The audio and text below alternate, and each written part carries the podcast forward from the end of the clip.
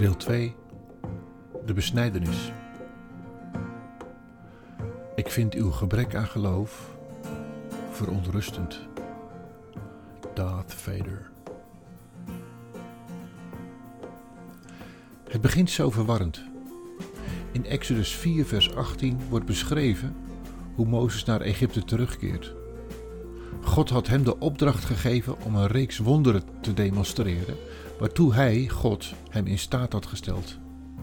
Die wonderen zouden uitlopen op tien rampzalige plagen voor het volk Egypte, met als meest verschrikkelijke dat God zelfs de eerstgeborene van velen in Egypte zou doden. God verhardt het hart van de farao keer op keer, zodat deze zijn volk, de Joden, niet zou laten gaan om hem te dienen. Maar onderweg naar Egypte gebeurt er op een zeker moment nog iets wat nogal vreemd overkomt.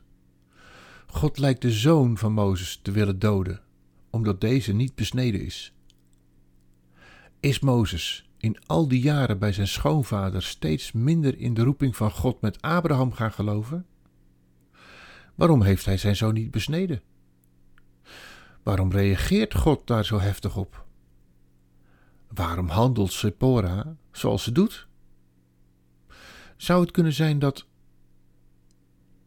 Overdenk dat eens. En onderweg, als Mozes met zijn vrouw Sephora in een herberg vertoeft, komt Mozes God tegen. En die is op dat moment van plan Mozes te doden. Sephora ziet het en grijpt onmiddellijk in. Ze neemt een scherpe steen en besnijdt haar zoon, werpt haar zoon voor de voeten van Mozes met de mededeling dat Mozes een bloedbruidegom is. Haar bloedbruidegom. Alsof ze zegt dat Mozes met het bloeden opnieuw en als een nieuwe bruidegom is geworden. Mozes kijkt naar zijn zoon. Bloed vloeit en de belofte die Mozes heeft nagelaten wordt meteen vertaald met de trouw ten opzichte van en naar Sephora. Zit hier iets van een glimp van het evangelie in? Dat ook de relatie is hersteld tussen ons en God door het bloed dat gevloeid heeft? Maar op het moment dat Sephora het uitspreekt, is het in orde voor God. En die gaat weg van Mozes. De besnijdenis is een instelling die God gegeven heeft aan Abraham.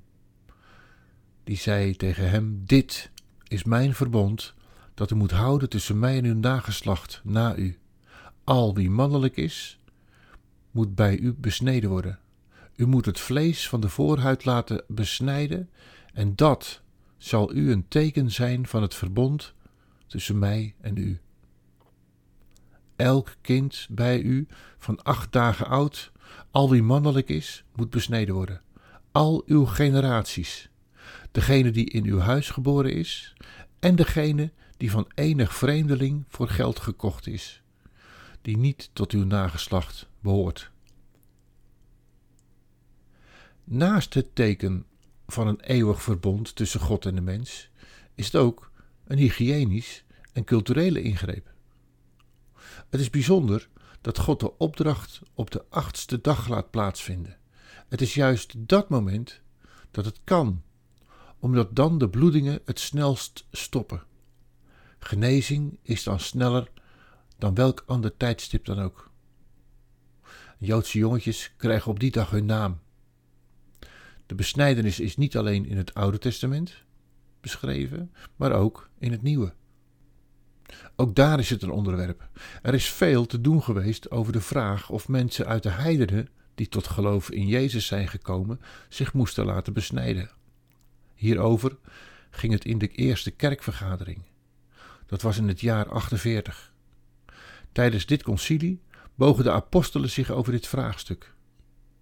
In Handelingen 15 wordt daar antwoord op gegeven.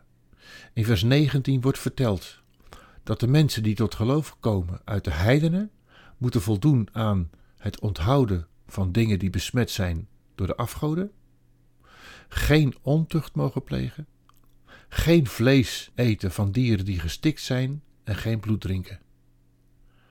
Het gaat niet om lichamelijke zaken, maar om het hart. Dit noemt Paulus de besnijdenis van het hart. Citaat uit Colossense 2, vers 11. De start van ons geloof begint met de besnijdenis van ons hart. Afleggen van ons vlees, zoals de Bijbel het noemt, geeft ruimte aan Gods geest in ons leven. In ons hart is onze motivatie te vinden. In de overleggingen van ons hart, de besnijdenis van ons hart, het afleggen van ons gestorven vlees, dat volgens de Bijbel de bron is van de zonde. Is dat wat God nodig heeft om ons te kunnen, in ons te kunnen wonen? Ik denk het wel. Dat God in het Oude Testament een belangrijke zaak van de besnijdenis maakt, is van groot belang. De besnijdenis wijst naar het kruis op Golgotha. Als we dit alles zien in de context van Mozes met zijn zoon en vrouw in de woestijn, dan zou je kunnen stellen dat het tekstgedeelte is waarin je iets ziet hoe het leven van Mozes een verwijzing is naar Jezus. Van Abraham wordt in het Evangelie naar Johannes verteld dat hij de dag van de Heer Jezus zou hebben gezien en zich verblijd. Ik denk dat Mozes veel meer van Christus begreep dan we misschien zouden denken als we de Torah lezen. Hmm, hier kom ik nog een keer op terug.